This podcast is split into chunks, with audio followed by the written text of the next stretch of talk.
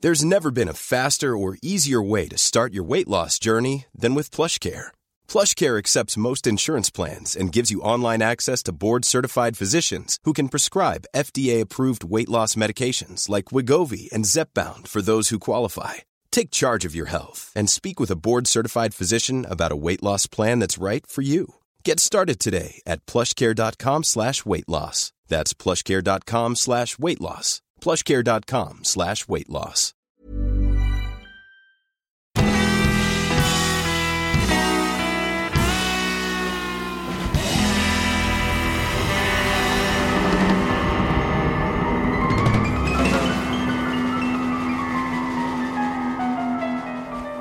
Hej allihopa och välkomna till ett nytt avsnitt av Ståpäls med mig Lukas och Med mig Ida. Ida. Ja. ja. Det var ett tag sedan nu vi spelade in. Ja, Vi körde ju tre avsnitt på en gång förra gången så att eh, det, det var några veckor sedan. men ni har ju hört oss. Ja, ni har hört oss en, gång, i veckan. Så att, eh, men inte vi. Nej, jag skojar. Det är bra. Ja, lite. Ehm, ja, idag är vi tillbaka med två nya fall. Ja, Och eh, idag så vill vi varna er lyssnare att om ni inte klarar av ja, våld mot barn och, sexuellt våld. och så så eh, Hoppa det här avsnittet så hörs Ja. vi nästa vecka istället. för att det här är Så eh, att, eh, väldigt eh, Trigger, Jobbigt. trigger hörni. ja, triggervarning deluxe. Ja, verkligen. Eh, mitt fall är eh, väldigt eh, jobbigt.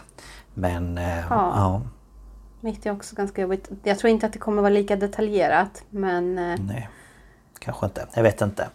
Men jag ska i varje fall prata om eh, Gabriel Fernandez. oh, that's an American. Gabriel Fernandez. Jag har alltid sagt Gabriel. Gabriel Fernandez. Jag säger Gabriel för jag har ju lyssnat... Gabriel Fernandez. Gabriel Fernandez. Jag har ju lyssnat, eller jag har ju sett dokumentären. Ja. Och då säger de ju Gabriel. ja, Så det är därför jag säger Gabriel.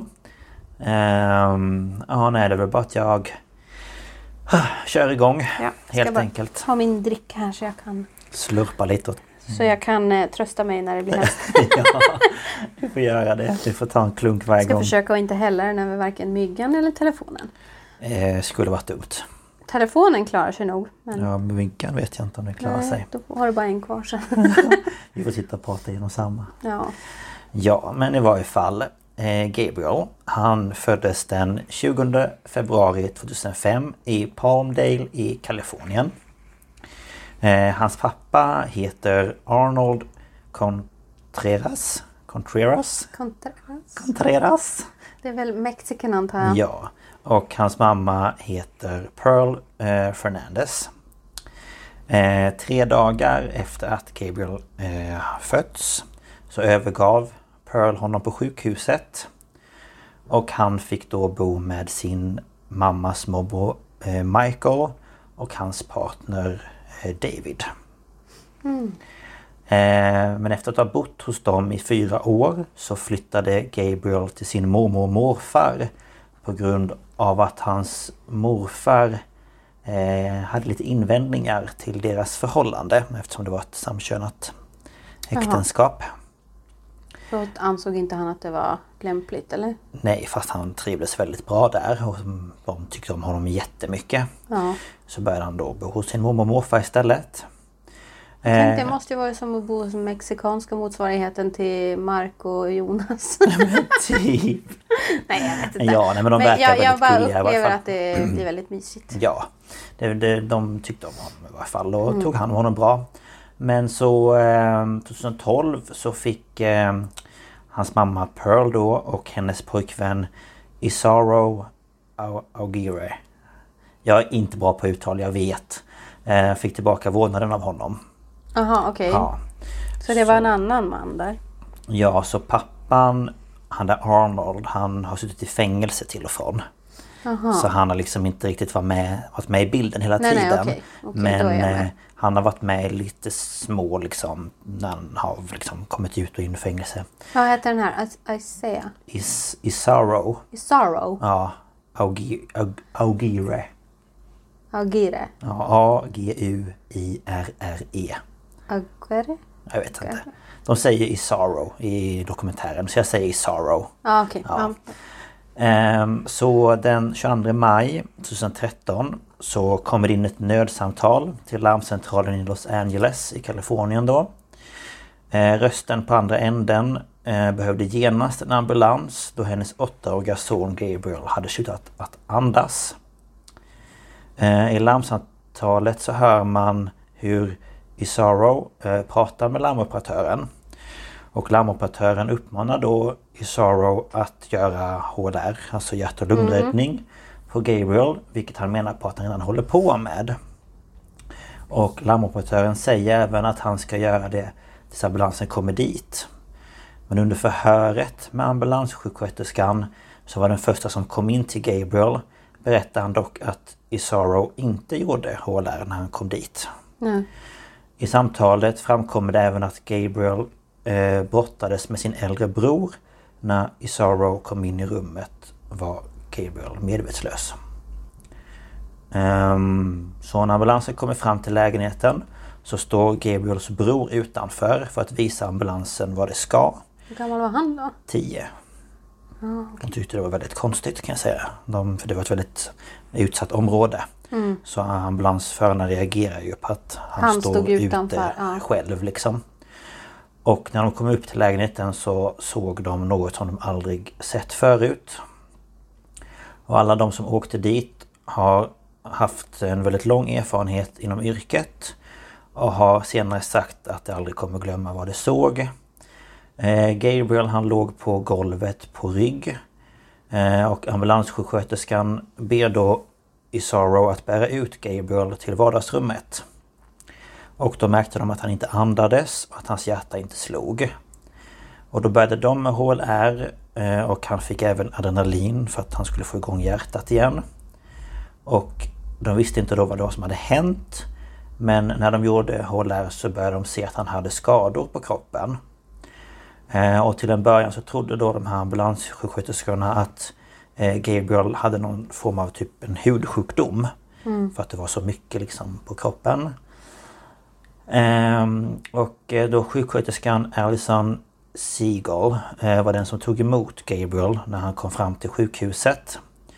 Eh, hon var då ambulansens kontaktsjuksköterska. Eller, ja, och hade fått uppgift om att en åttaårig pojke som inte kunde andas eh, och som hade misstänkta skador då var på väg in till sjukhuset. Ja, hon är den som liksom tar emot Ja. larmet på sjukhuset. Ja men precis. Att nu För att kommer alla det- ska förbereda Ja, sig. nu är det, okej. kommer det in någon liksom. Nu ska vi förbereda detta. Okej. Mm. Och hon är en av de som intervjuas då i den här dokumentärserien som finns på Netflix som heter på svenska... Netflix. Nex- Netflix hörru! Netflix. På Netflix. eh, Och på svenska heter den då Fallet Gabriel Fernandez Mordet på en pojke. Jag har ju som sagt var sett första avsnittet. Ja, Sen har jag... inte sett så mycket. Eh, jag har inte riktigt varit på humör för att se mer Alltså. Nej, jag förstår. än så länge. Den är eh, jobbig att se men eh, Mm. den är jättebra. Eh, rent eh, hur, alltså. hur den är gjord. Ja.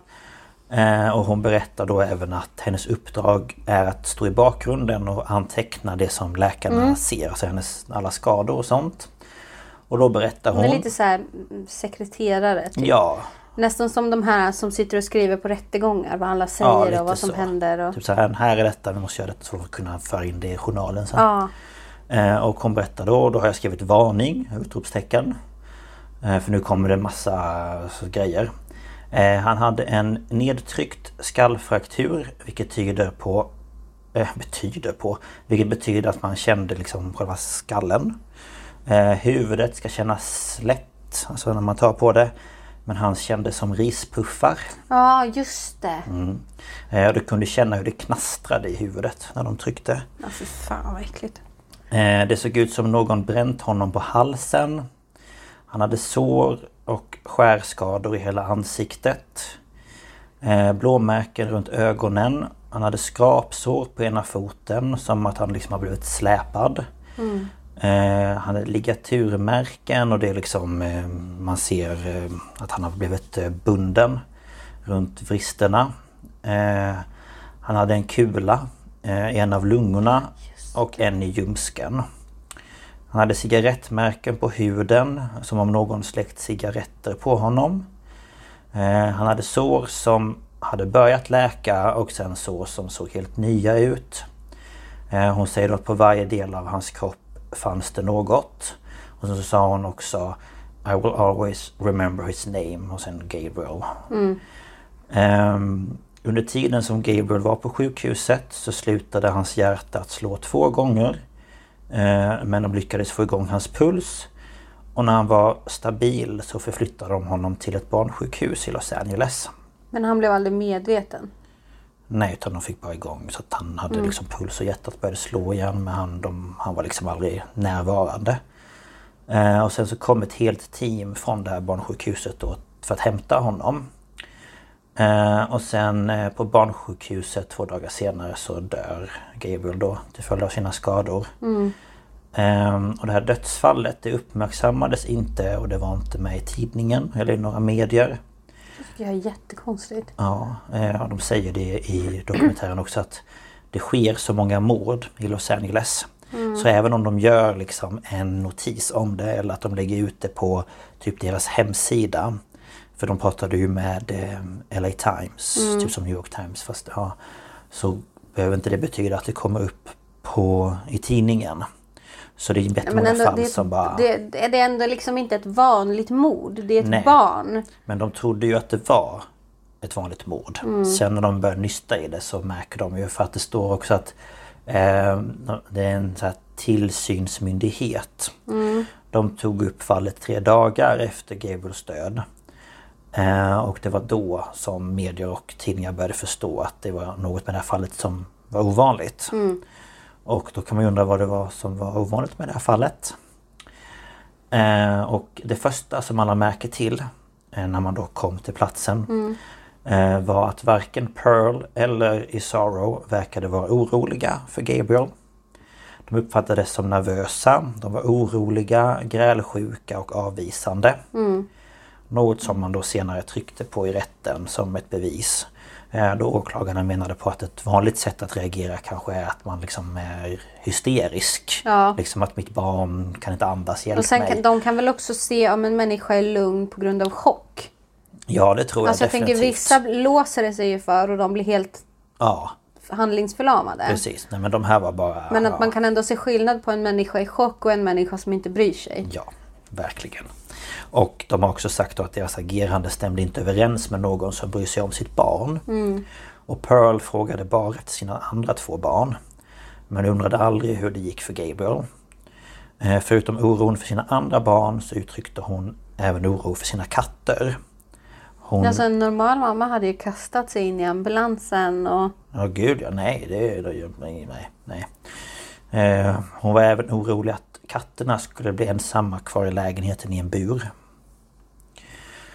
Eh, Snällt att tänka på dem. ja, jo visst det är jättefint men ja, ditt barn håller på att dö men... Eh, Pearl och Isaro de bråkade med varandra och sa saker som att Gabriel var, en, eh, var smutsig, Gabriel ljög, eh, Gabriel slog sig själv. Eh, Pearl sa även, och då citat, pojken är en lögnare och oavsett vad som kom vad, vad så kommer han ljuga för er. Eh, och Isaro uttryckte även att Gabriel var, var, var gay, alltså bög. Mm. Vilket var det första han sa när ambulansen kom dit. Eh, och Det är också en jättekonstig sak. Det bryr sig inte ambulansen om liksom. nej, ja, de säger det bara, det ska väl inte spela någon roll om han är bög eller inte. Det är ingenting Det som... enda de kan säga är typ att nej men på grund av hans religion så Ja. får han inte ta emot blod. Ja, eller nå ja, typ. Men nej, de... Bara, eh, "Nej, bara så ni vet, han är gay. Ja, man bara det var därför Man det bara, Mm. blev så här. vi gör samma behandling. Ja, det spelar ingen roll om han är gay. Ja. Ja, det är Herregud. jättekonstigt. Ja. Alltså, Och de kom då fram till att han eh, blev tvingad att eh, bära klänning. För under ett besök i lägenheten som gjordes efter hans död så hittade man alla hans kläder under diskbänken i påsar förutom två klänningar som hängde i garderoben. Och eh, han hade ju inte, även om han, liksom, de tvingade honom att ha klänning så hade han fortfarande bara två ombyten. Ja, det var det han fick byta mellan. Allt annat Ja, var herregud. undangömt. Eh, och en man vid namn Elliot Reby, Reby var den första utredaren i fallet och den första som såg Gabriel när han fortfarande var på sjukhuset. Mm. Och han var även den som intervjuade eh, de första vittnena. Mm. Och den 23 maj så höll han första förhöret med Isaro. Och i förhöret så berättar Isaro att han smiskat Gabriel. Och anledningen till det var att hans syskon hade sagt att Gabriel har problem med att ljuga. Och då hade Gabriel frågat sin mamma Pearl varför hon är tillsammans med Isaro om han alltid slår henne. Och så hade han sagt att eh, om du lämnar honom eh, så skulle Gabriel vara snäll. Mm. Ehm, varpå Isaro blev arg och frågade Gabriel varför han inte sa det till Isaro och varför han säger saker som gör Pearl upprörd och ledsen. Och efter att Isaro smiskat Gabriel så säger Gabriel att han inte sagt det. Alltså att, han, har, att han ska, hon ska lämna honom. Mm. Och då säger Pearl att Gabriel sa det för fem minuter sedan. Varpå Gabriel säger att det inte stämmer. Eh, och då eh, menade Isaro på att han smiskade Gabriel för att han skulle lära sig att inte ljuga. Ja.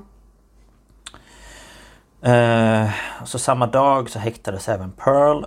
Och Pearl häktades för att ha hotat Gabriel. Medan Isaro häktades för mordförsök. Mm. Men när Gabriel dog så anklagades de båda för mord med inslag av tortyr. Och åklagaren hävdade dödsstraff. Mm. Och eh, förhandlingarna eh, hos domstolen i Los Angeles de skedde på nionde våningen. Och det här är en liten speciell våning berättar de i serien. Mhm. För att på samma våning så var rättegången mot O.J. Simpson. Eh, sa- samt eh, läkaren till Michael Jackson. Och eh, Phil Spector, han eh, musikproducent, Jaha, ja, media. mm. Och eh, The Grim eh, Sleeper, eller eh, seriemördare. Och vet inte om han heter Sleeper, för jag har för mig att han heter Reaper. The Grim Reaper. Ja, alltså eh, liemannen ja. Ja, men, Men, han men- kanske... han heter The Grim Sleeper. Jag vet inte, Ja, men han kanske det, det dödade finns folk i... säkert sen- någon anledning till Ja. att han kallades för det. Ja, jag vet inte. Någonting var det. Och då i eh, Los Angeles County så vill man alltid ha två åklagare när man då vill eh, få till ett dödsfalls, eh, dödsstraffsfall. Okej. Ja, så det var distriktsåklagare Jonathan Hatami och biträdande åklagare Scott Young. Så det var de två som höll i rätt, alltså, ja. Mm. Eh, Och i rätten så valde Pearl att förklara sig skyldig till anklagelserna för att undvika dödsstraff. Ja. Så hon dömdes istället till livstids fängelse utan möjlighet att överklaga. Och i domstolen så sa hon Jag vill säga att jag är ledsen för vad som hände. Jag önskar att Gabriel levde. Varje dag önskar jag att jag hade gjort bättre val. Jag är ledsen för mina barn och jag vill att de ska veta att jag älskar dem.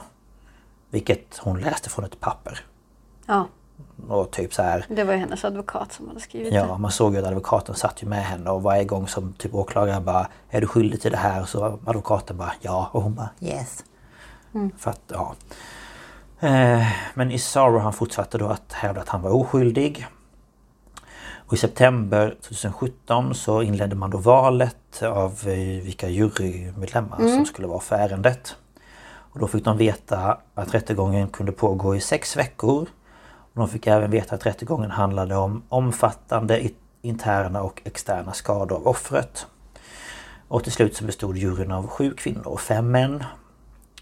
Eh, och juryns överläggning inleddes den 14 november 2017 och en dom fattades nästa eftermiddag. I slutändan fann juryn honom skyldig till mord och att han var skyldig till tortyr. Den 11 december 2017 så började själva överläggningen av juryn för eh, dödsfasen. Mm. Och nästa dag var juryn inlåst och den 13 december beslutade det dock att rekommendera dödsstraffet. Vilket accepterades av domaren. Och då i rätten så kom det fram många saker eh, som man inte hade fått reda på tidigare. Eh, och det är till exempel att när polisen åkte till lägenheten en andra gång så tog de med sig en, en sån här DNA-analytiker. Som hade med sig såna här röda klistermärken som man ska fästa på alla ställen eller ytor där man kan hitta blod. Ja. Och eh, de hittade så mycket blod i lägenheten så att alla röda klistermärken tog slut så hon fick börja använda gula lappar istället. Så mycket liksom blodgrejer hittade de lite här och var. Så här blodstäng. Ja, mm, bara så här spår av blod. Eh, vid fotändan av sängen fanns det ett slags skåp eh, där Gabriel fick vara eh, eh, i då i nästan varje natt och ibland även på dagen. Han fick ligga där inne inlåst och bunden medan hans mamma och Isaro låg och sov i samma rum. Eh, och så fanns det en liten springa mellan dörrarna där hans syskon ibland brukade smyga in mat igenom. Ehm, och det framkom även att Gabriel var tvungen att rensa kattlådan. Och om han inte gjorde det tillräckligt bra eller på rätt sätt så blev han tvung- tvingad att äta kattsand och eh, avföring från katterna då. Eh, och Pearl och Isara brukade stoppa in en strumpa i munnen på honom och sen kny- knytte de en sån här bandana över runt liksom. Eh, de slog ut hans tänder med ett baseballträ. Nej men fy fan. Men de sköt honom i ansiktet och på kroppen med ett luftgevär. Eh, De pepparsprayade honom i ansiktet för skojs skull när han skulle bada. Och sen lämnade honom där inne och låste dörren till badrummet så han inte kom ut. Ehm, Det framkom även att polisen hade blivit kallade till huset några dagar före eh, mordet då. Men de hade inte vidtagit några åtgärder. Och istället för att be om att träffa Gabriel så trodde de på det som Pearl sa. Om, allt, ja, om att allt då var mm, ja, bara bra. Och så åkte de iväg. Eh, och de gånger de kom till huset, vilket hände väldigt ofta, så eh, hotade polisen Gabriel och berättade att om han fortsatte att ljuga så skulle han få åka in i fängelse istället. Eh, De trodde hela tiden på Pearl istället för på Gabriel Trots alla sår och sen så hade han så här två liksom svarta blåtiror runt båda ögonen. Ehm, Alltså vad är det för jävla poliser? Jag vet inte, alltså de kom verkligen dit. Det finns 60 rapporter från eh, nära och kära och liksom föräldrar på skolan och sånt. Eh, som har liksom varit för Gabriel och familjen men ingen som har gjort något liksom. Ehm, och eh, Gabriel han kom då till skolan en dag och efter eh, råt, alltså efter lektionerna var slut så hade han frågat sin lärare Jennifer Garcia om det är vanligt att en förälder slår sina barn. Och hon svarade att det kan tyvärr hända eh, men undrade om han hade blivit slagen. Eh, och då svarade han att han hade blivit av sin mamma. Och då frågade hon om han hade liksom blivit slagen liksom lätt eller om det var liksom hårda slag. Ja. Och då svarade Gabriel att han eh, hade blivit slagen med den metallspännet på skär, ett skärp. Och att det hade börjat blöda. Och då så beslutade Garcia sig för att ringa till socialtjänsten och rapportera in vad som hänt.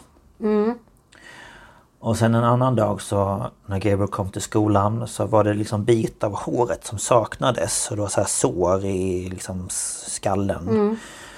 Ehm, och så hade han en fläskläpp. Eh, och när Garcia då frågade vad som hade hänt så berättade Gabriel att Pearl hade slagit honom över munnen.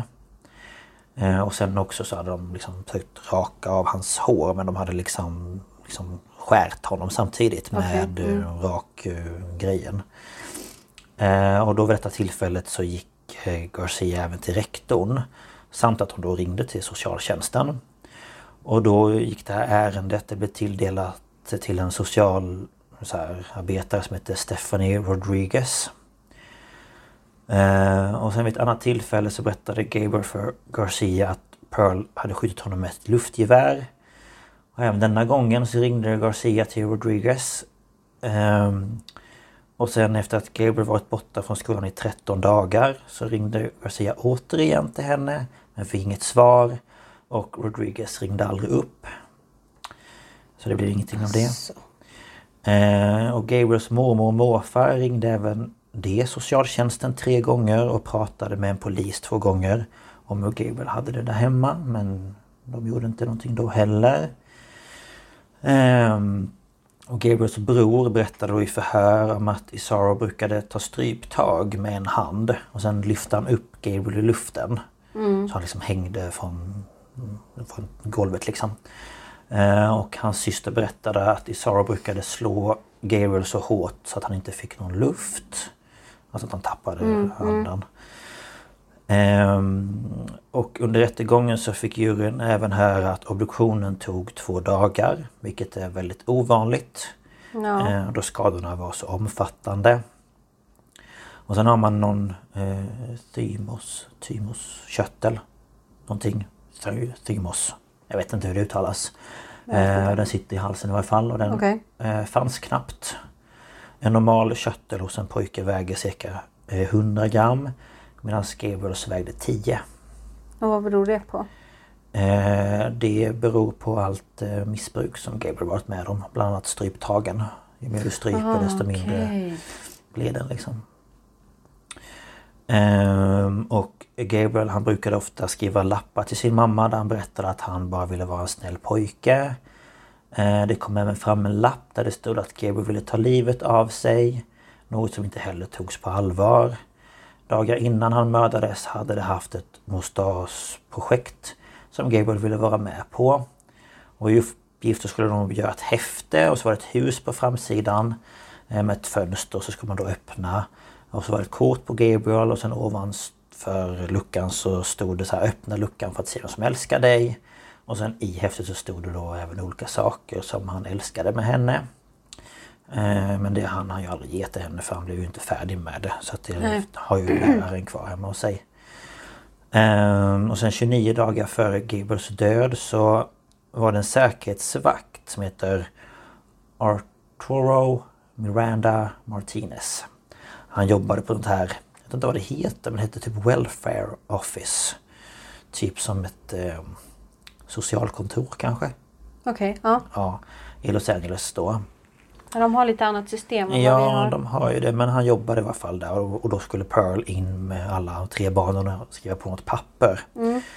Och då så hade han då uppmärksammat att eh, Gabriel hade omfattande skador på sin kropp. Mm. Och eh, då bestämde han sig för att han skulle ringa eh, 911. Eh, Och han berättar även i dokumentären att han riskerade sitt jobb för att rapportera in de här skadorna till polisen. För att han hade ju pratat med sin chef som hade sagt att eh, du får inte betalt för övertid. Så klockan var kvart i fem och de stängde vid fem.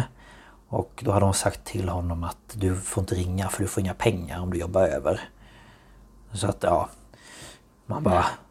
Spelar det någon roll? Ja, man bara, är det inte bättre att pojken får hjälp istället för att han ska få lön? Alltså, vad är, ja. Eh, Så totalt sett, det var i fall mellan 2003 och 2012 så inkom det 60 klagomål mot Pearl och Isaro till Los Angeles County Department of Children and Family Services.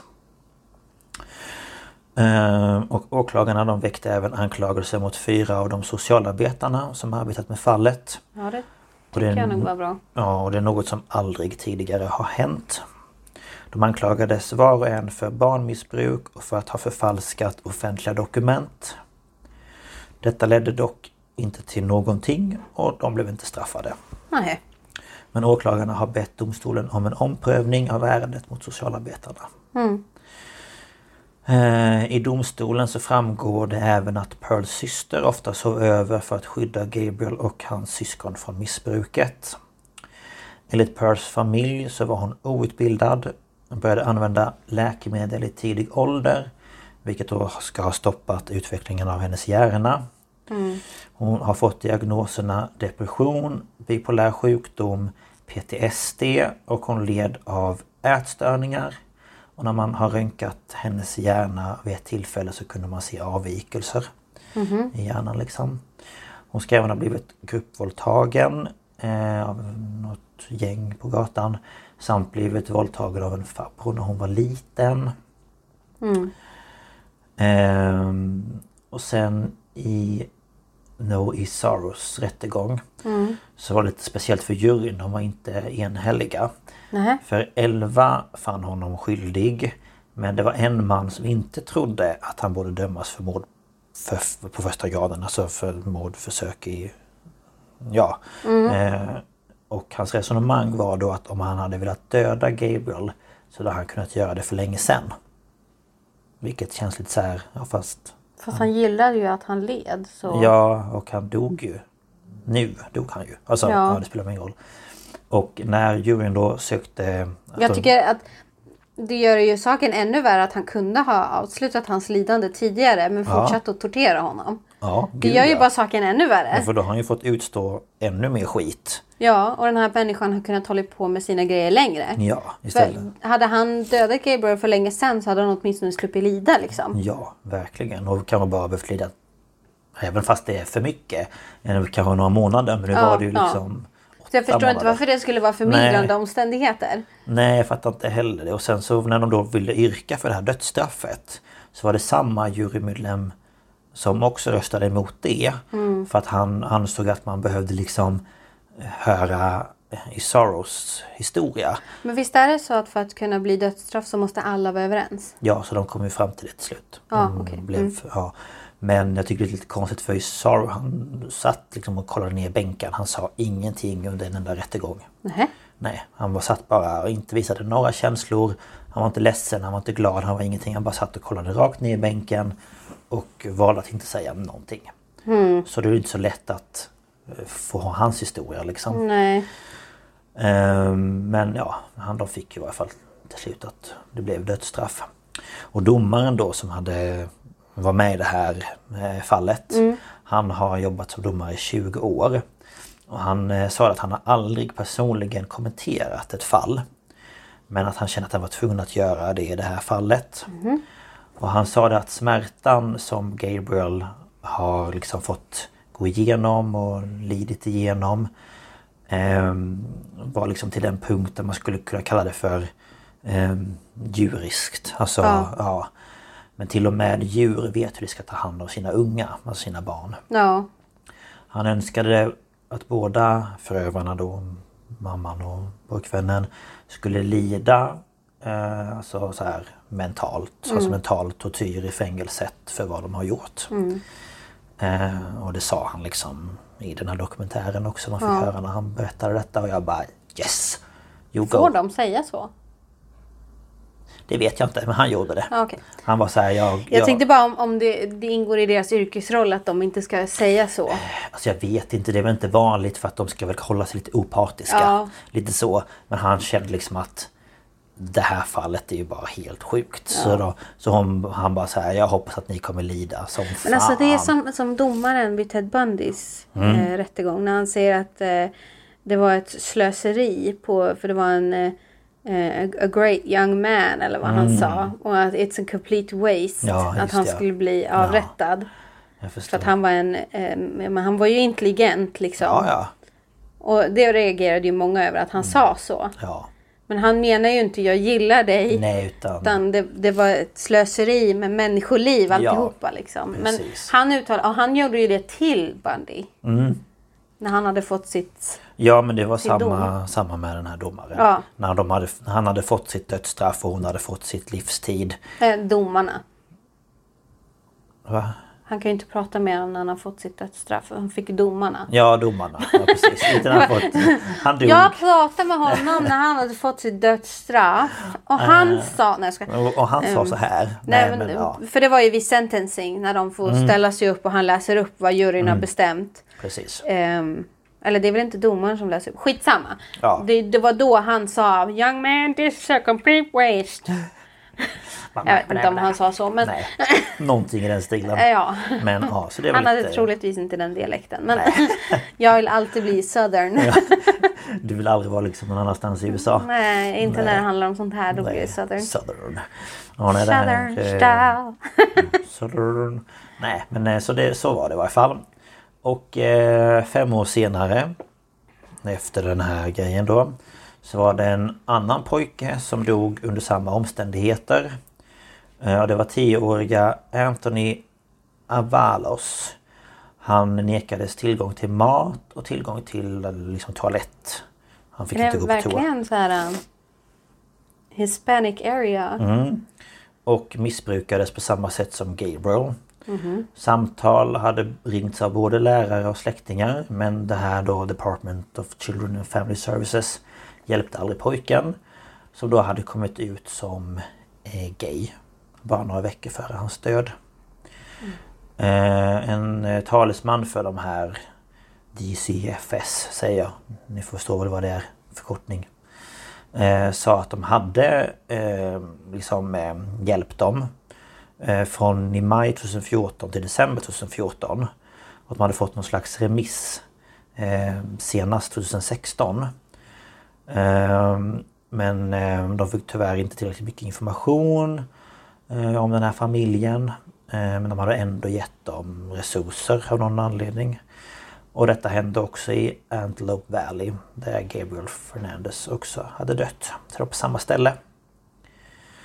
Eh, och när åklagaren för det här fallet då Amanda Anthony åkte till eh, ett eh, så här medicinskt centrum i Kalifornien så hade det stängts på grund av otäck- otillräckliga f- eh, finansiering. Jag trodde du skulle säga otäckligheter. Jag bara, vad är det?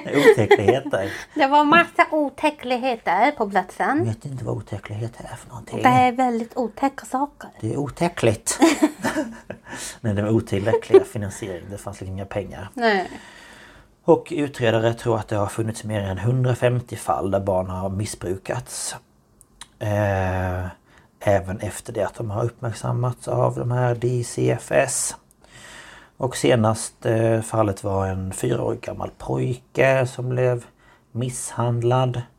Ehm, och då var det ett domstolsbeslut som hade utfärdats för att de skulle få honom bort från sitt hem. Men det följde aldrig DCFS igenom och pojken dog under misstänkta omständigheter. Och de här... Här är det ju så här, när det bestäms att ett barn ska bort så händer det på en gång. Ja, gud ja. Du får inte ens tid att förbereda dig Nej. utan det är Nu bara... kom vi hit och DCFS de vägrade att delta i den här dokumentärserien helt och hållet. Ja, de skäms väl. Ja, det ska de Med fan göra. Så att eh, det var det. Ja. Ehm, så att eh, ja, nej men det, och det är svårt att sammanfatta allt för att det är så mycket Ja, information men i det den här blir ju serien. Eh, och den är värd att se Mm. om man klarar av det. Ehm, för den är väldigt välgjord. Mm. Och eh, den tar ändå upp ett viktigt Ja, ett viktigt ämne Ja, fast det är och- och hemskt. Det man kan, som många tänker, är, ja det är i USA, det händer i USA. Men vi har ju faktiskt ett svenskt fall som Mm. Ja. är nästan likadant Ja, det har vi. Som Med är lilla Bobby. hemskt. Ja, i Skåne. yes. Så att det kan hända här också. Så att alltså var uppmärksamma på Gud, hur ja. barn mår och prata jag. med barnen. ja. Om du misstänker något, prata med barnet. Det är Och som- det, det är ju bättre att man uppmärksammar någonting och det visar sig att det inte är någonting. Ja, Än att man är verkligen. Mm. tveksam och, det, och det, barnet far illa liksom. Ja. Men Det är som jag till exempel som jobbar i förskola. Jag är ju skyldig att anmäla om jag märker att ett barn far illa. Ja. Det kan ju bara vara en misstanke. Det behöver inte Det ens var vara väl bevis. inte jättelänge sedan som det blev lag på att ni måste anmäla?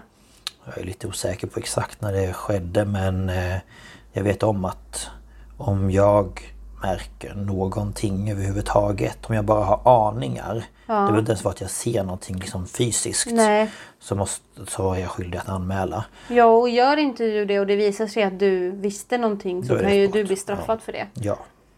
Så ehm, mycket viktigt för att alla barn ska få en bra uppväxt. Ja, Eller så bra att det går. Och Ja. att inte sånt här ska hända. en dräglig uppväxt åtminstone. Ja. Så att någon fler slipper den här skiten. Ja, Eh, men eh, Planning for your next trip? Elevate your travel style with Quince. Quince has all the jet setting essentials you'll want for your next getaway, like European linen, premium luggage options, buttery soft Italian leather bags, and so much more.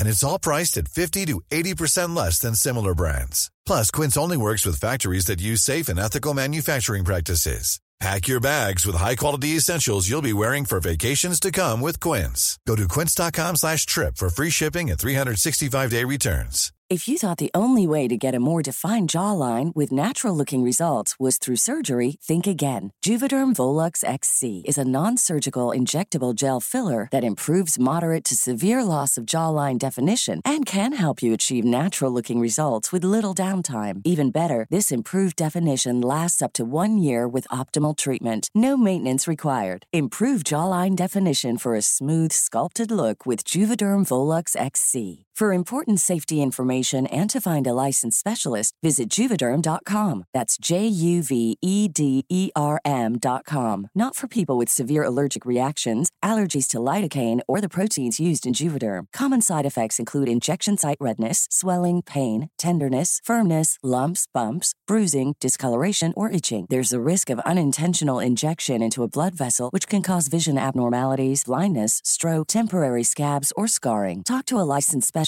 to find out if it's right for you. Ehm, ja, nej, det är väldigt tråkigt men... ehm, ja, man, de har lärt sig. Enligt dokumentären så har de ja, fått eh, lära sig ett och annat. Ja, det får man ju för fan Om hur Mm. man hoppas. ska fortsätta i, i framtiden så att inte det ska bli så här om och om igen. Men det får vi väl se. Vad som händer med det. Ja, Ja, nej, så det var mitt fall i varje fall. ja det Väldigt- var jättehemskt men bra ändå skrivet. Tack. Man måste Eller ju ta något. upp det även om det är jobbigt. Ja, jag har varit så här, jag, bara, jag vill ta upp det. Men så har jag varit så här, jag vet inte om jag klarar av det och sen har inte du sett hela. Men sen samtidigt så kände jag att jag vill ta upp det för Ja. att eh, jag tror också, jag som jobbar med barn, att jag på något sätt jag kan ju lätt se ett barn när det inte mår bra. Och då tänker Mm. Ja, alltså jag om att, man verkligen... Alltså, det- egentligen krävs det inte mycket heller. nej, För, för även om barn de tror att de döljer det så syns det ändå Ja. så väl om det är någonting. Jätteväl. Även om det bara är litet, även om bara ett barn har ont i magen så kan Mm. man ändå se att det är någonting någonting är som lite är... off. Ja, liksom.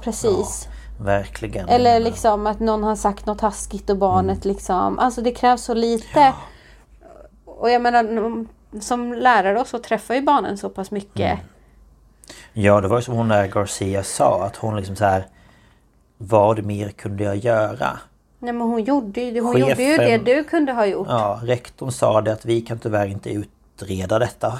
Du kan bara anmäla, du kan bara Ja, men det göra din går ju, del. man anmäler ju det till sociala myndigheter och så ska ju de ta över. Ja, men då är det ju hela tiden... Och hon där, Rodriguez, hon var ju typ någon ny.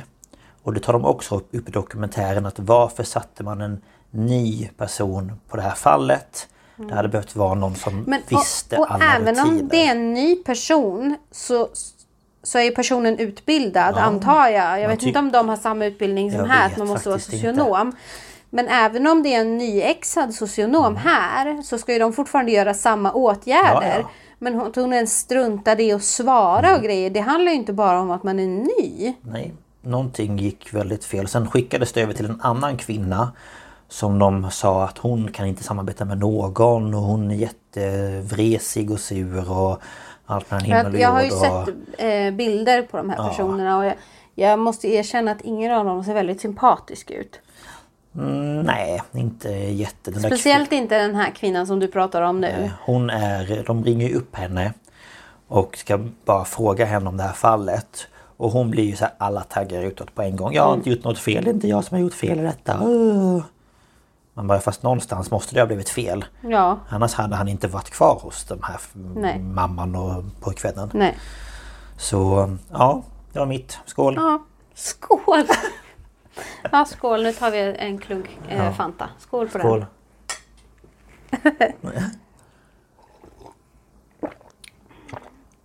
Ja, det är väl bara att gå vidare då. Jag var så torr i min hals. Ugh. Japp. Ja, du vet ju inte vilket fall det är jag ska ta. Nej, jag har ingen aning faktiskt. Alltså. Men som sagt, triggervarningen gäller fortfarande. Mm. Det är super, super, super viktigt. För att jag ska prata om Fred och Rosemary West. Aha. De känner du väl till? Ja, det gör jag. Eh, Fred och Rosemary West var ett seriemördande par i Gloucester, tror jag det heter. Det är Gloucester, men det brukar ju heta Mm. Ja, Gloucester, Gloucester. Mhm. då. I Storbritannien. Eh, och deras hus kallades efter allt det här för Dödens hus eller The Gloucester House of Horrors. Oh, där vill man ju bo. Och de mördade mellan 1967 och 1987. Mhm. Så, men eh, jag tänkte jag går in på eh, liksom, deras bakgrund innan jag börjar Mm. prata om själva fallen. Det kommer ju vara lite eh, inflätat i deras Ja, ja. historik. Men jag tänker man måste få lite bakgrund. Yes. Så vi har Frederick Walter Steven, eller Fred West. Han föddes 29 september 1941. Hans familj var en fattig bondefamilj i Hertfordshire. Mhm. Och han var det andra av sex barn. Och eh, han påstod senare i livet att hans eh, pappa hade incestuösa förhållanden med sina döttrar. Jag vet inte om det är ett ord, men jag valde att Ja, säga nej, men det- det. Alltså han hade ja. i- incest med sina Ja, vad mysigt. döttrar. Jättetrevligt. Och incest var en del av hushållet helt enkelt. Och i förhör så sa Fred att hans pappa hade sagt Gör vad du vill, se bara till att inte bli påkommen medan du gör det. Ja. Vilket bra motto, Ja. känner jag. Eh, I skolan så var Fred duktig på träslöjd och bild. Men han eh, var inte så bra annars akademiskt så det blev liksom ingenting. Och han lämnade skolan vid 15 års ålder 1956. Och två år senare var han med om en motorcykelolycka där han bröt ena benet, ena armen och fick en skallfraktur. Ja. Ehm, och låg i koma i åtta dagar. Så han slog i huvudet. Mm. du vet vad det här kommer gå. Han fick en metallplatta inopererad i skallen och ena benet blev permanent kortare än det andra. Ja, synd om honom. Och familjen berättade att han efter den olyckan kunde få plötsliga aggressionsutbrott. Mhm. Eh, och två år efter den olyckan föll han från en brandsteg och slog i huvudet och var medvetslös i 24 timmar. Jaha. Det visade sig sen att han hade tittat under en flickas kjol och hon hade puttat honom och han hade ramlat ner. Ja, gott åt honom känner jag. Mm. Eh, så hoppar vi fram lite då. Vid 20 års ålder så greps han för att ha sexuellt ofredat en 13-åring. En flicka då. Han blev inte... Alltså han blev dömd men inte till fängelse. Okej. För att hans läkare sa att han led av epileptiska anfall. Mhm. Och då flyttade han till sin syster och resterande familj tog avstånd från honom. Ja. Ehm, men så ett år senare, när han var 21, så jobbade han på en byggfirma. Men han fick i snabbt sparken för att han stal. Eh, och hans familj tog då tillbaka honom då. Och eh, han fick flytta hem. Och då började han träffa en tidigare flickvän som hette Catherine eller Rena Costello. Hon var en småtjuv som sedan blev prostituerad. Eh, och hon var eh, gravid, men det var inte med Fred utan det var med en pakistansk man som hon hade då som kund. Okej. Men trots det så gifte hon och Fred sig och de behöll barnet. Men för att kunna förklara varför barnet var halvasiat så tvingade Fred henne att skriva ett brev till sina föräldrar och berätta att barnet dött vid födseln och att barnet de nu hade var adopterat. och det här är då Charmaine, Jaha. heter hon. Ja. Eh, Och efter det här så flyttade de till Skottland och strax därefter så började Fre- eh, Fred kräva sex dagligen.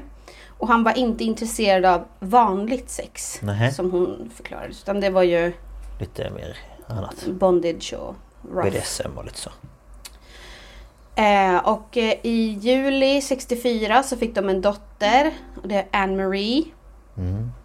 Under den här tiden jobbade Fred med att köra glassbilen. Men eh, han råkade köra på en fyraårig pojke som dog av sina skador. Råkade.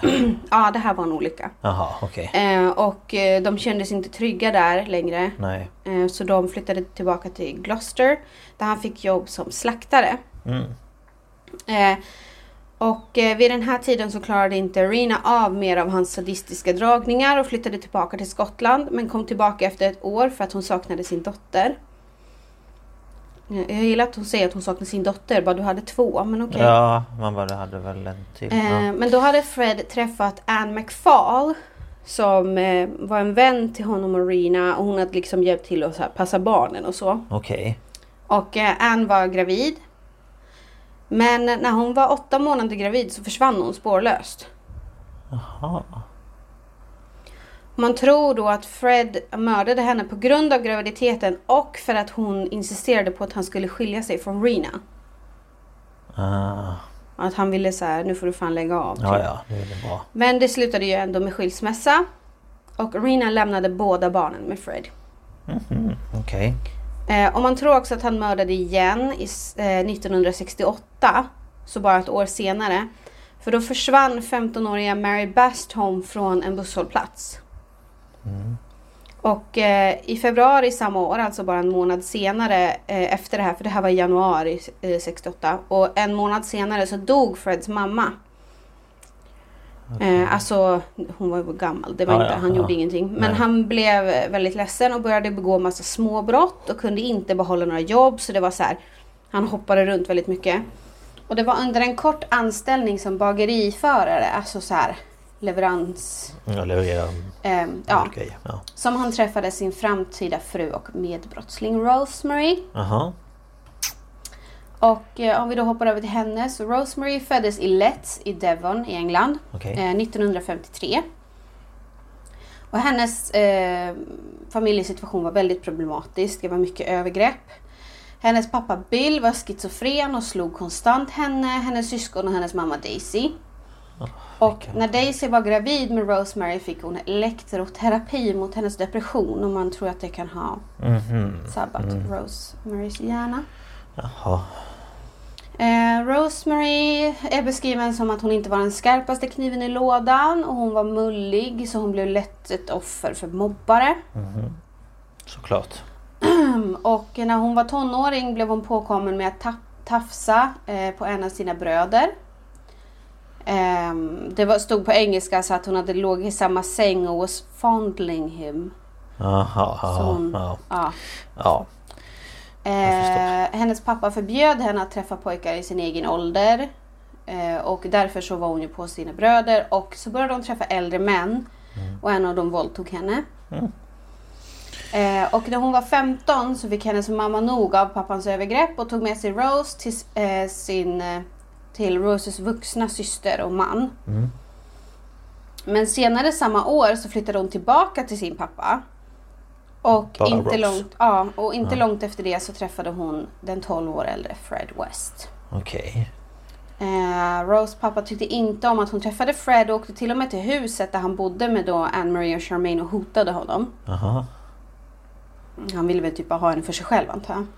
Det låter ju lite Eh, konstigt. och, eh, medan Fred åkte in och ut ur fängelse för alla de här småbrotten så tog Char- eh, Charmaine nu då, Rose hand om hans döttrar och hon blev själv gravid eh, med en dotter och 1970 så föddes Heather. Så nu har vi Charmaine, Anne-Marie och Heather. Okej. Mm. Eh, och då flyttade de till eh, Midland Road i Gloucester. Så förut så bodde han typ i en sån här trailer park Aha, okej. med sina döttrar. Nu flyttade de till ett hus. Ett hy- Mm. Eh, men på grund av sina aggressionsproblem och avskyn mot att ta hand om barn som inte var sina egna så var hon väldigt elak mot Anne-Marie och Charmaine. Eh, och under sommaren 1971 medan Fred satt i fängelse så mördade Rose Charmaine. Nej, Man tror att hon typ eh, fick ett aggressionsutbrott och bara snapped. men- Jaha. Ehm, Ja. Så och det kan gå. eh, han kom väl tillbaka, jag tror att det här var ju typ juni, juli och han kom tillbaka från fängelse i augusti. Och då klippte de bort fingrar och tår på Charmaine för att man inte skulle kunna identifiera henne. Och begravde, då Fred begravde henne under köksgolvet. Mm. Mysigt. Ehm, och eh, senare då samma år, också i augusti, så kom Rina för att hälsa på Charmaine. Alltså Charmaines mamma kom. Det här är ju den här halvpakistanska flickan. Mm. Mm. Eh, och hon kom för att hälsa på henne men, och frågade satte var är hon? Och då försvann Rina också. Konstigt. Um, Fred och Rose gifte sig 29 januari 1972. Och under deras äktenskap så uppmuntrade hen, han henne att ha sex med andra män. Både för nöjes skull och för pengar. Och han kollade ofta på genom ett titthål i väggen. Ja, så som man brukar göra. Eh, De tog erotiska bilder av Rose och publicerade dem i swingertidningar och annonser för sexköp. Och i juni 72 så fick de en till dotter, May. Och för att få plats för familjen och Rose affärer så eh, flyttade de till 25 Cromwell Street. Och det är här, det här är The House of Horrors. Ehm, Och det var där de utförde sina våldtäkter och mord. Och Rose fortsatte att sälja sex i ett rum som de då hade gjort speciellt för det här. För då hade de utrustat det med ett titthål för Ja. Fred så han kunde titta på. Okej. Och sen hade de en röd lampa som de satte igång utanför så barnen visste att de inte skulle gå in där. Mm. Jag gillar det förra huset de bodde i. De flyttar in där. Då ligger det ett lik under golvet. Mm. Som de inte vet någonting om. Ja, det är mysigt. Det är väl trevligt. Ja. Ehm, och under de kommande åren så födde hon sju barn till. Oj! Fred var pappa till tre av dem. Jaha. En kan ha varit Roses egna pappas barn. För att han hälsade ju på och liksom typ betalade för att ligga med henne. Nej men... Eh. Äck. Och de tre andra var kungers barn. Så det var inget skydd där inte. Nej. Och eh, också 1972 så anställde de en 17-årig tjej som hette Caroline Owens eller Roberts. Jag har läst båda namnen. Caroline. Och hon skulle vara barnflicka. Och sen erbjöd de henne att vara med i deras sexcirkel. Och hon eh, tackade nej och slutade sex veckor senare. Det är en eh, bokcirkel fast.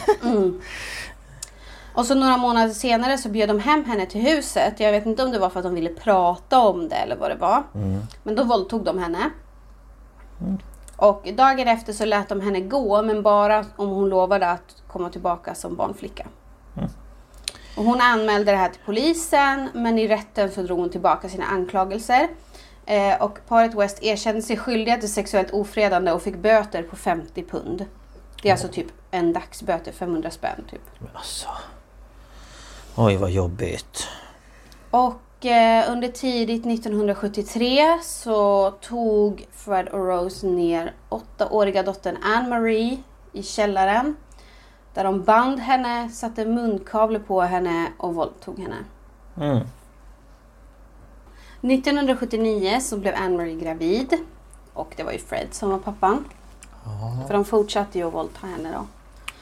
Men hon fick utomkvedshavandeskap. Det är alltså att graviditeten sätter sig i, jag tror att det är i äggledaren. Mm. Så den sätter sig för högt upp. Ja. Jag förstår. Eh, och eh, då måste man ju avbryta, det är ju livsfarligt. Ja gud ja.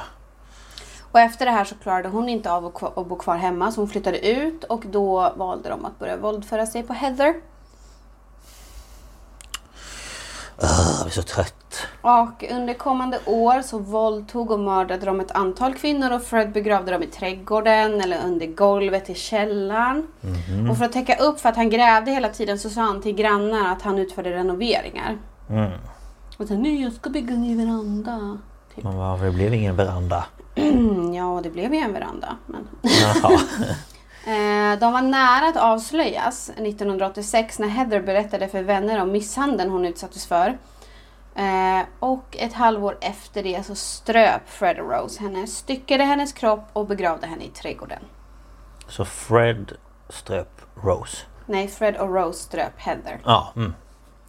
dottern alltså. Ja. Eh, till personen som frågade efter henne så sa han att eh, hon hade åkt och jobbat i en turistby. Och vad man vet så är det här det sista offret som de mördade. Okej.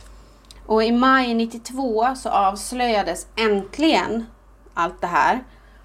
För att Fred filmade en våldtäkt på en av sina döttrar. Jaha. Och hon berättade för en vän vad som hade hänt. Och den här vännen berättade för sin mamma och hon valde att ringa polisen. Eh, och eh, polisen som ledde undersökningen hette Hazel Savage. Och hon hade hört talas om Fred från den tiden han var gift med Rina. För att han var ju våldsam och slog henne och sådär. Och när en till flicka som blivit våldtagen av Fred klev fram fick polisen tillstånd att göra en husrannsakan. Mm. Okej. Så i augusti, alltså mm, vad blir det? Fyra månader senare, tre månader senare. Så sökte de igenom huset för att hitta bevis av misshandel av barn. Och Fred greps för våldtäkt, sodomi av minderårig och Rose greps som medbrottsling. Alltså jag vet inte riktigt vad sodomi, alltså det var så här sodomize teenager. Jag vet inte riktigt vad man menar med det på svenska. Så jag skrev bara sodomi. Jag har hört talas om För det är ju i liksom- morgonen, men Alltså han blottade väl sig. Men typ inte och- våld, men jag tänker, har inte det med både blottning och våld? Alltså, För, för, alltså- våldtäkt var ju en helt annan grej han anklagades för. Så det här är ju mer än att Sodomi. sodomi. Sodomi. Ja, fortsätt. Ehm, och barnen placerades hos socialens familjehem. Ehm, men åtalen för misshandel föll samman för två av huvudvittnena backade ur vid rättegången i juni 93. Ehm, men eh, alltså det är det jag menar, jag undrar om det här med sodomi handlar om misshandel också, alltså sexuellt våld liksom. Nu eh, googlade jag lite här. Ja, okej. Och då står det så här att det är ett bibliskt uttryck som härstammar från de syndiga städerna Sodom och Gomorra. Mm. Sodomi urs- är ursprungligen då tillfredsställande av könsdriften genom onaturlig otukt. Ja, Ja, så det är väl liksom utöver våldtäkt då. ja. Eh, hur som helst föll åtalet samman. Eh, för att vittnena backade ur vid rättegången då, 93. Men polisen fortsatte ju att undersöka vad Heather var. Ja, Och efter att socialarbetare då som har kommit så här och typ på hembesök och pratat med barnen och sånt. Eh, de hade hört så här konstiga typ skämt om att Nej men gud Heather hon ligger begravd under verandan. Hö, hö, hö. Jaha. Men sen så sa barnen också att föräldrarna hade, när de hade gjort någonting, sagt du vill väl inte hamna under verandan som Heather? Uh, smarta de Ehm, eh, var då. och, och efter det här, att de fick veta det här, så fick de tills, ett ytterligare tillstånd för husrannsakan. Okej. Så i februari, 24 februari 94, alltså två år efter att eh, det här började, så började de gräva i trädgården. Och I häktet då så började Fred erkänna att han begått mord för att skydda Rose. Men han vägrade erkänna våldtäkten utan kvinnorna ville ha sex med honom. Ehm, och eh, dagen efter så började man hitta ben i trädgården.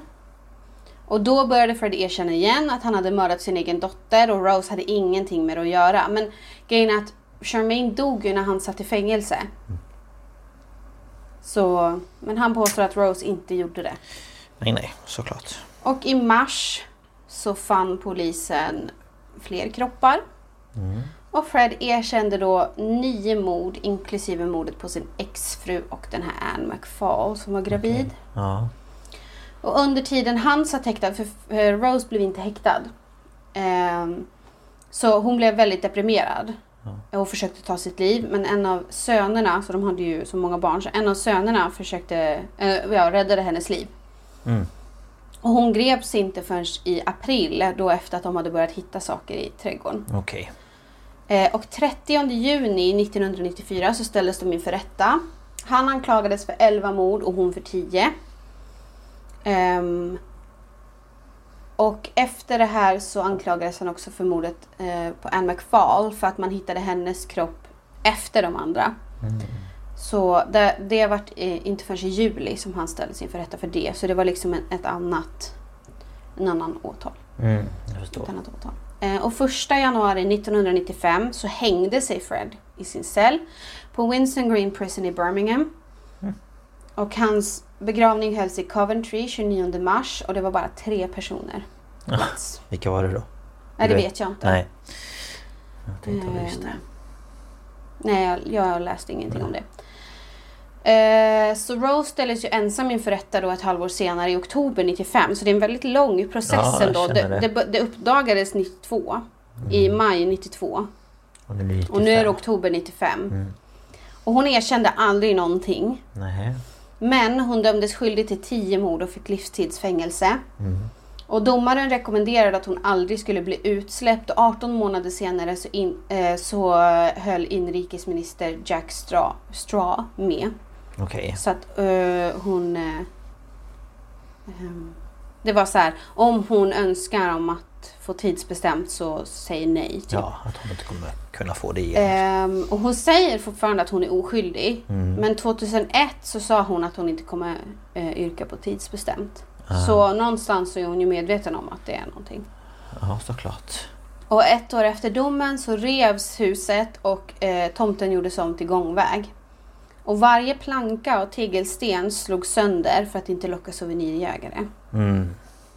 Det var väl ändå smart ändå. Eh, ja, eh, jag tänkte gå igenom offren lite snabbt. Alltså, jag Ja. har ju bara skrivit typ vilka de var, Ja. när de gick bort och sådär. Ja. Så vi har då först eh, två stycken som är eh, det är okänt datum. Okej. Och alla är inte mord, utan det här är inklusive eh, våldtäkt och misshandel. Och då har vi Catherine Costello, Freds första fru. Henne slog han. Mm. Och sen så hotade han hennes älskare John McLachlan Mm. och drog en kniv över hans mage. Alltså skar eller bara... Nej, bara alltså sa- han eh, hotade Ja, mm. väl liksom. Och sen har vi då 4 november 65. Det var Michael O'Keefe, den här fyraåringen som han körde över. Mm, Eller körde just på. det. Mm. Jag vet inte om han körde över. Det låter Nej. så himla grafiskt. eh, och sen har vi då 67.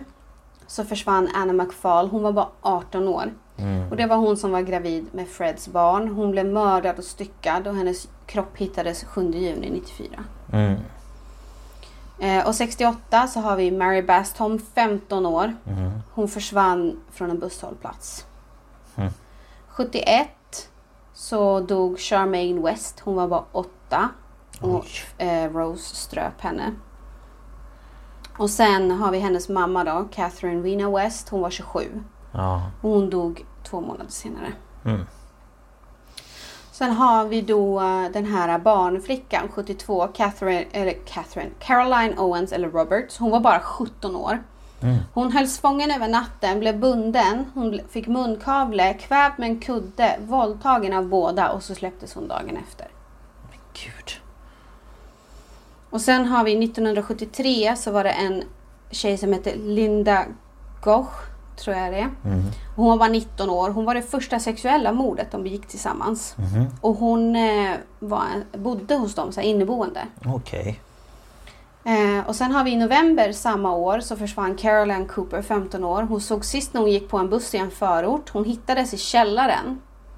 Och hennes skalle var invirad i kirurgtejp och hennes kroppsdelar var bundna med elsladd och tygremsor. Nej men. Och sen har vi ett, ytterligare en samma år. Det är Lucy Catherine Partington. Hon var 21 och hon försvann också från en busshållplats. Vad är det med busshållplatser? Nej, men som, som jag minns, som jag har sett och hört, är att de åkte ju typ runt och letade och så var det ju så här Mm. ett trevligt par och så kunde de typ stanna till och bara hej, kommer det ingen buss? Vi kan skjutsa dig. Ja. Då är det ju många som tänker att det är en man och en kvinna, att Ja, man känner det- sig trygg. ja.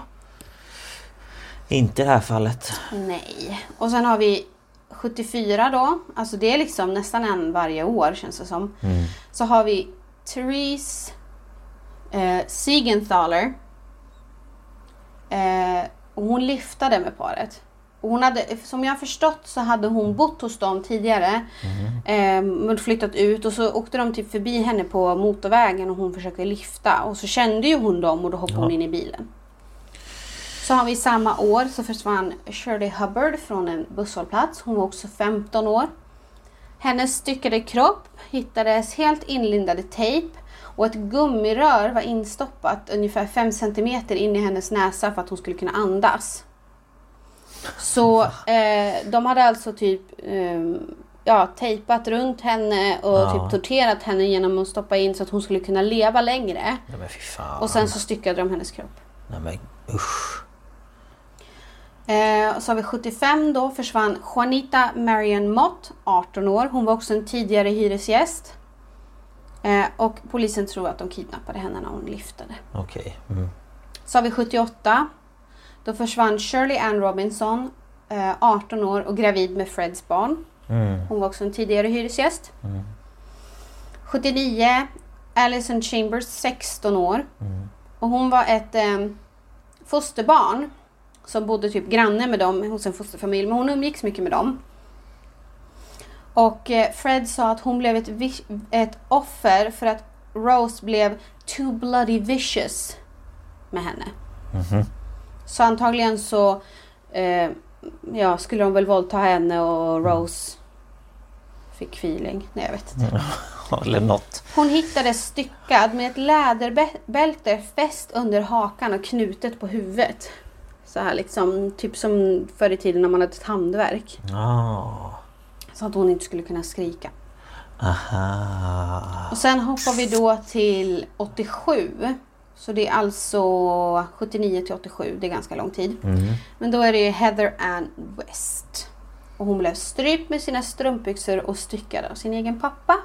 Ja, trevlig far det där alltså. Mm. Så det här var ju alla offer Ja. och den äldsta var väl då hans ex Catherine Rina West, hon var 27. Mm. Ja, det var väldigt Sen ung. var de ju liksom 15, 18, 16. Åtta. Ja. Om man tänker Charmania. Mm. Ehm, Riktigt Och, jävla ehm, monster alltså. jag läste en artikel i... art- En, en artikel? En, tick- jag En, läste Eh, en en titel. artikel i Aftonbladet eh, från 2003. Och då intervjuade René Nyberg. Det var, alltså, det var taget från René Nybergs program 45 minuter som gick på TV3. Och hon träffade då Anne Marie. Jaha. eh, Och hon berättade lite om sitt liv. Och hon har två döttrar. Ja. Och bor trots allt det här kvar i Gloucester. För att trots att allt det här hände så kände hon en viss trygghet där. Okej. Eh, Och hennes barn är ju väldigt eh, utsatta i skolan för alla vet ju historien liksom. Men ehm, Ja, såklart. och hon berättar om när hon var åtta år och hennes pappa våldtog henne för första gången och hur Rosemary sålde henne till sina kunder. Mm. Och sista gången Anne-Marie såg sin syster Charmaine ehm, så låg hon naken och bunden på en säng och såg he- på henne med vädjan i blicken. Men jag visste inte vad jag skulle göra. Jag stängde dörren, gick ut i köket och på kvällen var rummet tomt. Men hon var ju bara ett litet barn. Ja, ja. Så... Så det är väl inte så lätt att... Och hon säger att trots allt det här så säger hon ändå att hon än idag älskar sin pappa och Rose. Som hon då ja, kallade för mamma. Och säger jag älskar dem och jag saknar dem djupt. Ja. Det känns ju... Ja, jag vet inte riktigt. Det är svårt att sätta sig in i den situationen. Ja. Men eh, det känns lite så här... För mig är de typ monster. Ja. Alltså det... Men det är väl den här alltså, med, med barn att innerst inne, så det är ju ens, det är ju ens mamma och pappa, nu är inte hennes biologiska Nej, såklart. eh, mamma. Men det är ju som till exempel som i mitt fall då med Gabriel. mm. Trots att eh, de gjorde så mycket mot honom så eh, tyckte han ju ändå om sin mamma jätte, Ja men alltså det, jättemycket. är väl, det blir väl lite så att det, Det kan vara svårt att det fatta är den här klassiska, det är ändå hans mamma. också. Ja. Det är svårt att liksom eh, eh, greppa det på något sätt liksom. Ja, alltså jag tror att det- det ligger så... Djupt rotat. Ja, jag, jag vet liksom inte. Nej. Men det är svårt det där. Eh, Alltså det är ju jättesvårt att sätta sig Det är in ju så i. hur man är som person också liksom. Alltså Ja. vad man känner att man hanterar Men med. det är ju också det att... Det är ju så många mördare också som folk är såhär, men jag tror aldrig att den här personen skulle kunna göra det här. Nej. Men det är ju många som säger det att när man väl hamnar i en situation där det kanske är den enda utvägen så tror jag att alla skulle kunna vara kapabla till att göra något sånt. Ja men gud ja. Att det liksom... Men alltså jag tänker så här seriemördare och... Ja, ja, ja. Men där, jag tänker som i det här fallet, jag funderar lite, om, lite på vad deras syfte med det var. Om det bara var liksom en... men det var ju eh, sexuellt. De ville ju sexuellt och våldta dem. pengar Ja. eller... Ja. Det var ju, det var ju... De var ju sadister. Mm. Ja, fy fan alltså. Vilka Ja. jävla...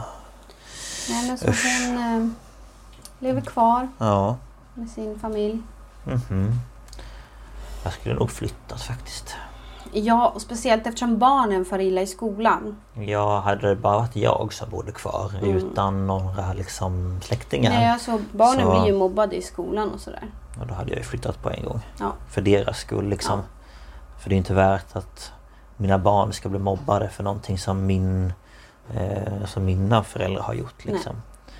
Så... Och jag, jag, alltså jag har ändå så svårt att ta in att hon säger att hon älskar sin pappa efter att hon fick veta att han faktiskt dödade hennes biologiska mamma. Ja. Men så kan man, kan man ändå kanske känna att hon kanske inte kände så mycket för sin mamma för att hon lämnade ju ändå Ja, sant. henne och hennes syster Just hos honom. ja. Ja, det är ju också lite så här... Och så var det så här, hon saknar sin dotter och man pratar bara om att hon kom tillbaka för att hälsa på Charmaine. Men inte Anne-Marie. Mm, Nej. Men det är Så man också blir lite så jättekonstigt. här, ja Ja. ja. Yes. Men eh, ja, det var fallen för idag. Mm. Det var mm, Mm, Lite omskakande. lite jobbiga fall men Ja, så är det ibland. men eh, vi måste ta sånt också för att man vill ta... Man vill att det ska komma upp så att det Mm. inte glöms bort. Men eh, vi ses ju nästa vecka igen som vanligt. Mm, det Och gör två vi. nya fall. Ja. Så ta hand om er så länge. Vill du ja. inte säga någonting? Jag vill Niklas inte vill inte säga säga hej någonting. då till er. Nej, jag det är bara vill jag inte som vill säga säga hej någonting. då. Ja, jag skiter i det. Nej, ha det så bra allihopa. Ja. Hej då! Mm. Hej då.